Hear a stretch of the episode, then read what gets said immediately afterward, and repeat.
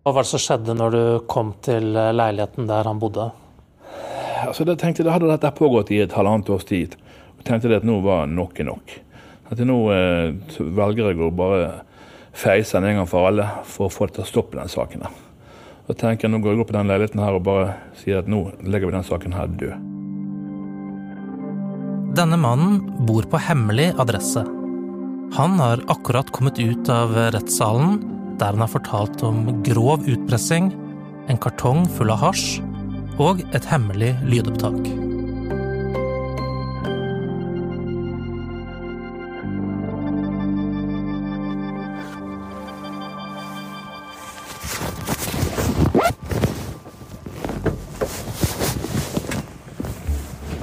Det du hører her, er lyden av en opptaker som eh, gjøres klar og legges i en lomme. Det er to år siden opptaket ble gjort. Nå skal det spilles av foran tre dommere. Mannen med opptakeren har status som fornærmet. Det er tirsdag 1. februar, og jeg er i retten. Salen er romslig, men det er ikke mange til stede denne dagen. Jeg er den eneste på tilhørerbenken. En fotograf fra BT tar noen bilder før han forlater rommet. De som er til stede, reiser seg idet dommerne kommer inn. På venstre side står aktor. På høyre side står de to tiltalte mennene med hver sin forsvarer. Den ene er 25 år gammel og tidligere ustraffet. Den andre er 36 år gammel og dømt flere ganger tidligere for narkotikakriminalitet. Han og offeret kjenner hverandre godt fra før. Jeg kjenner en til at jeg vet jeg har vært, hatt et opphold i Bergen fengsel. Og Der var han i samme periode. Og eh, Man prater nå ja, prater nå både inn og ut uh, hva som man gjør i livet. Og eh, så kommer man jo ut av dette fengselet og blir liksom kontaktet om ikke kan hjelpe folk med å få oppholdstillatelse med å gi dem kontrakter. Det er jo sånn sett det det går i. Ja. Så, så det er jo bakgrunnen for hele settingen her, da. Jeg møter mannen med opptaket i lunsjpausen under rettssaken. Han er på min alder, går i arbeidsklær og ser ut som han kommer rett fra en byggeplass. Det er ikke første gangen han er i retten. I mange år har han prøvd seg som forretningsmann. Nå har han forbud mot å drive næringsvirksomhet etter å ha blitt dømt flere ganger for bedrageri. Han sier han jobber som arbeidsleder i byggebransjen. Men altså, jeg, klart at du, Man har vært domfelt, det har jeg vært, og jeg har gjort mitt. og Eh, men klart at du tenker på ond betrodd eller ikke. Jeg håper såpass at det er eh, såpass godt beskrevet i, i, i, i, denne saken at de blir dømt. Da. Det er det jeg håper. For å forstå hva saken handler om, så må vi en god del år tilbake i tid. Byggearbeideren og 36-åringen ble kjent med hverandre mens de satt i fengsel på 2000-tallet. Noen år senere ble 36-åringen pågrepet igjen i en stor narkosak. I den saken vitnet byggearbeideren mot 36-åringen, og resultatet ble at han ble dømt til ni års fengsel. 36-åringen hevder han var uskyldig i den saken. Han sier at det egentlig var byggearbeideren som skulle vært dømt, og at byggearbeideren lovet ham penger for ikke å tyste. Men historien om disse to stopper ikke der. Noen år senere skal konflikten ha blitt enda mer tilspisset. 36-åringen skal ha forsøkt å hevne seg ved å true med å gå til politiet. Han visste nemlig at byggearbeideren hadde vært borti store mengder narkotika i en annen sak. Jeg har vært uheldig og vært så naiv og har sagt ja før jeg det er liksom, Jeg sier av og til ja før jeg har tenkt meg om. At jeg har hatt en kartong på et kontor for ti år siden. Og da har vi da, har jeg da etter han har hatt en permisjon, så har han eh, kommet i tale til meg og sier han skal ha 200 000 av meg fordi at han har et lydopptak der jeg sier at jeg har en kartong på kontoret. Det var eh, kjent i, i, Oslo som hadde en kartong som kunne stå hos meg. Jeg fikk når den kontanten kom til Bergen og opplyst at dette var hasj. Hvor mye det var, har jeg ikke peiling for jeg har ikke anelse på dette narkotikastoffet. Hvor mye hva og hvor mye Ja. Denne skulle stå der på kontoret hos meg til en eh, Han skulle komme og hente denne. Det var det. Han forteller at eh, dette med kartongen blir brukt som et pressmiddel av 36-åringen. At han blir kontaktet hver gang 36-åringen er ute på permisjon. Og at han blir oppringt av felles bekjente som prøver å kreve inn pengene. Presset om at de hadde en CD med et lydopptak. Jeg ble kontaktet via andre personer. Fortalte meg at han hadde alt fra Hells Angels til andre ting som kunne eh, Skulle da, hvis ikke jeg betalte, så kom de etter meg. Altså, da tenkte jeg, da hadde dette pågått i et halvannet års tid. Og tenkte jeg at nå var nok nok. At nå eh, velger jeg å bare feise den en gang for alle for å få det til å stoppe den saken. der. Da tenker jeg nå går jeg opp i den leiligheten her og bare sier at nå legger vi den saken her død. Byggearbeideren sier han bestemmer seg for å oppsøke 36-åringen for å gi beskjed om at han ikke har tenkt å betale. Fordi han selv har blitt eh, truet med lydopptak, så gjør han klar sin egen lydopptaker på vei til leiligheten, sier han. Hvorfor valgte jeg det, det vet jeg ikke. Men det ble nå bare gjort. Jeg hadde litt bange anelser. Eh, det ble noe paranoid opp, opp gjennom årene. Så eh, hvorfor? Nei. Da byggearbeideren kommer frem til leiligheten, så er det en tredje mann til stede. Ifølge aktor er det 25-åringen som også er tiltalt. Byggearbeideren sier at han blir eh, kvalt og heist opp etter veggen med en gang han kommer inn i leiligheten. Det du får høre nå, er hans eget opptak, som vi har forvrengt for å anonymisere stemmene. Du skylder han 350 000, ikke sant? Har du snitchet han?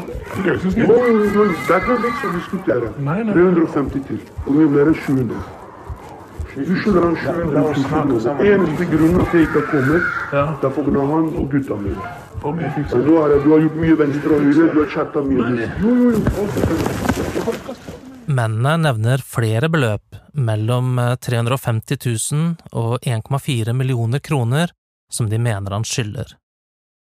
På opptaket diskuterer mennene kartongen med hasj, som de omtaler som en kasse bananer.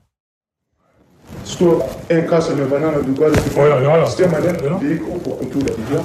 Ja. Hva var det oppi kassa bananer? Der var jo røyk. Hvor mye? Det vet jeg ikke. 33 kilo. Jeg ser det for deg. Ok. Sant? Så du skylder meg de pengene.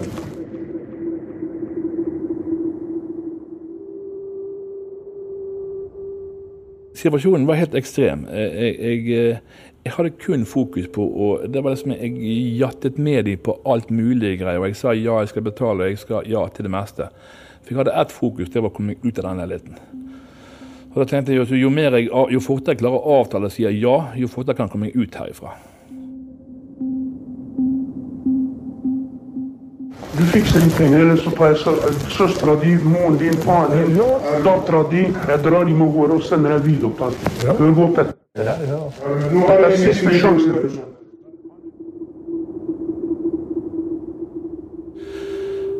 Da gikk det mye rart gjennom hodet på deg. Eh, altså, jeg, jeg, bare, jeg, altså, jeg bare hørte disse summene, og to stykker som står der og skriker, og summene stiger. Og, eh, og de tenker på at du skal ta både dattera og far og din mor og en samboer skal da bli, bli tatt.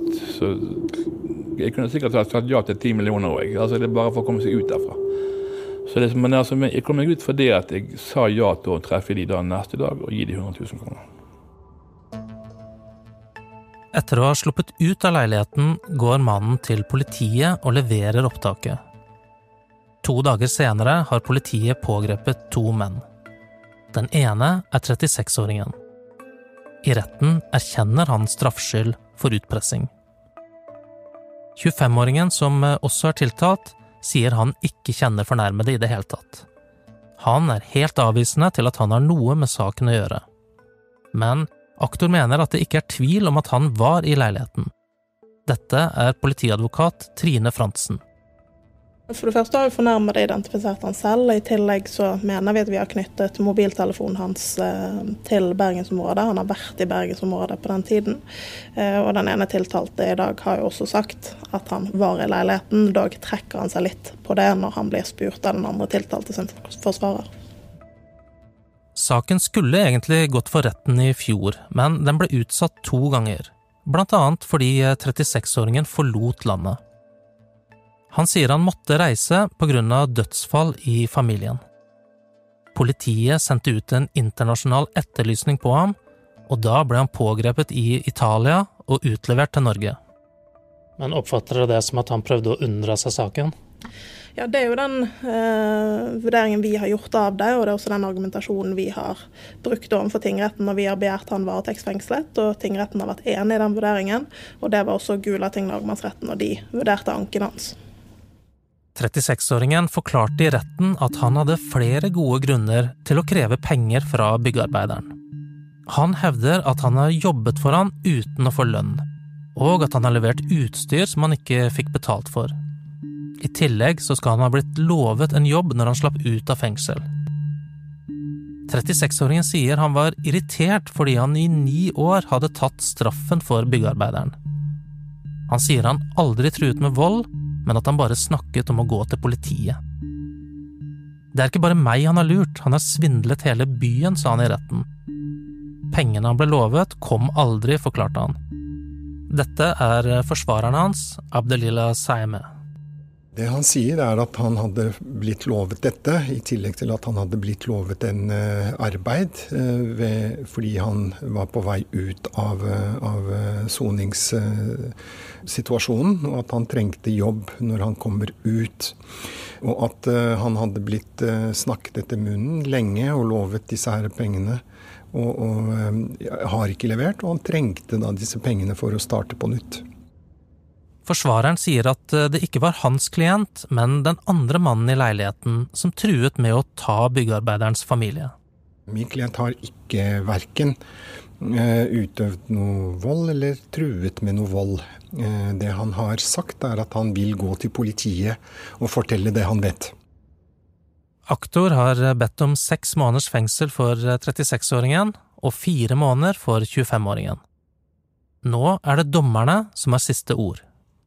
Byggearbeideren sier at han er preget av saken.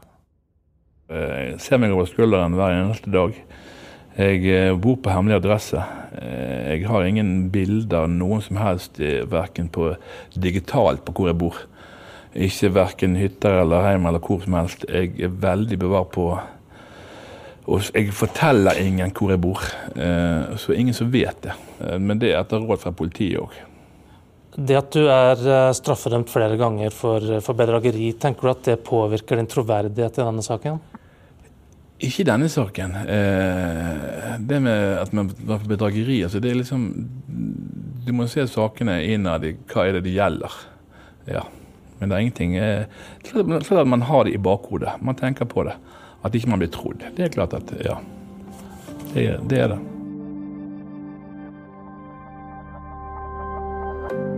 Hva skjedde? er en eh, podkast fra Bergens Tidende.